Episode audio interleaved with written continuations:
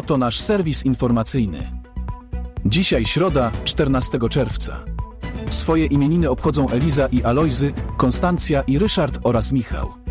Niech Boże błogosławieństwo towarzyszy Wam każdego dnia. Dzisiaj w Polsce obchodzimy Dzień Dziennikarza Obywatelskiego, zaś nasi przyjaciele w Stanach Zjednoczonych obchodzą Dzień Flagi. Kalejdoskop historyczny.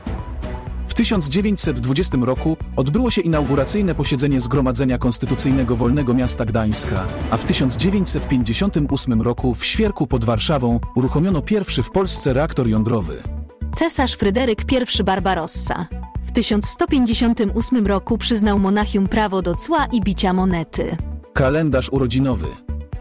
W 1819 roku przyszedł na świat Sofron Wytwyćkiej. To ukraiński duchowny grecko-katolicki, etnograf, pisarz i polityk. Natomiast w 1924 roku urodził się James Black, baptysta, szkocki farmaceuta i laureat Nagrody Nobla. Przechodzimy do aktualności. Ruszyły zapisy na imprezę Przystanek Jezus w Czaplinku. Wydarzenie odbędzie się od 31 lipca do 5 sierpnia. W tym roku organizatorzy zapraszają na spotkania pod hasłem Aby byli jedno. W Londynie otwarto biuro dla Polonii i Polaków. Biurem będzie koordynować studium Katolickiego Uniwersytetu Lubelskiego. Celem inicjatywy jest organizacja kursów i szkoleń dla Polonii. Kościół ewangelicko-augsburski w Polsce prowadzi Centrum Mediacji i Poradnictwa. Oferuje konsultacje prawne, superwizyjne i mediacyjne. Konsultacje mediacyjne pomagają w rozwiązywaniu sporów z udziałem neutralnej osoby trzeciej. W Niemczech zakończył się ewangelicki Kirchentag. Tym roku mówiono o wojnie na Ukrainie i ochronie klimatu. Wydarzenie zgromadziło ponad 60 tysięcy uczestników na blisko 2000 spotkań. Nie żyje Pat Robertson, amerykański kaznodzieja i polityk.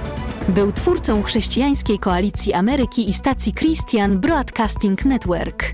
Zmarł w wieku 93 lat. O upad cystersów, ojciec Mauro Giuseppe Lepori jest optymistą co do przyszłości Kościoła. Mimo niewielu powołań w Europie, zakon rozwija się w Wietnamie. Hiszpańskie Stowarzyszenie Ewangelikalne Nueve Vide pomogło w ubiegłym roku blisko 4 tysiącom osób w potrzebie. Ich programy wspierały więźniów, ofiary handlu ludźmi, migrantów i bezdomnych. Ponad 40% uczestników programów znalazło zatrudnienie. Z bazy Vandenberg w Kalifornii wystartowała rakieta Falcon 9. Wyniosła w kosmos satelitę SpaceSat. Satelita co dwie minuty nadaje przesłania papieża Franciszka.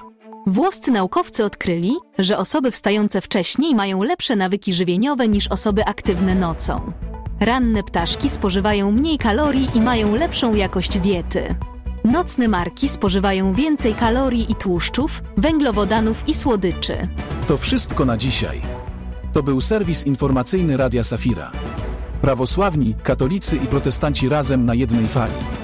Niech Wam wszystkim Bóg błogosławi.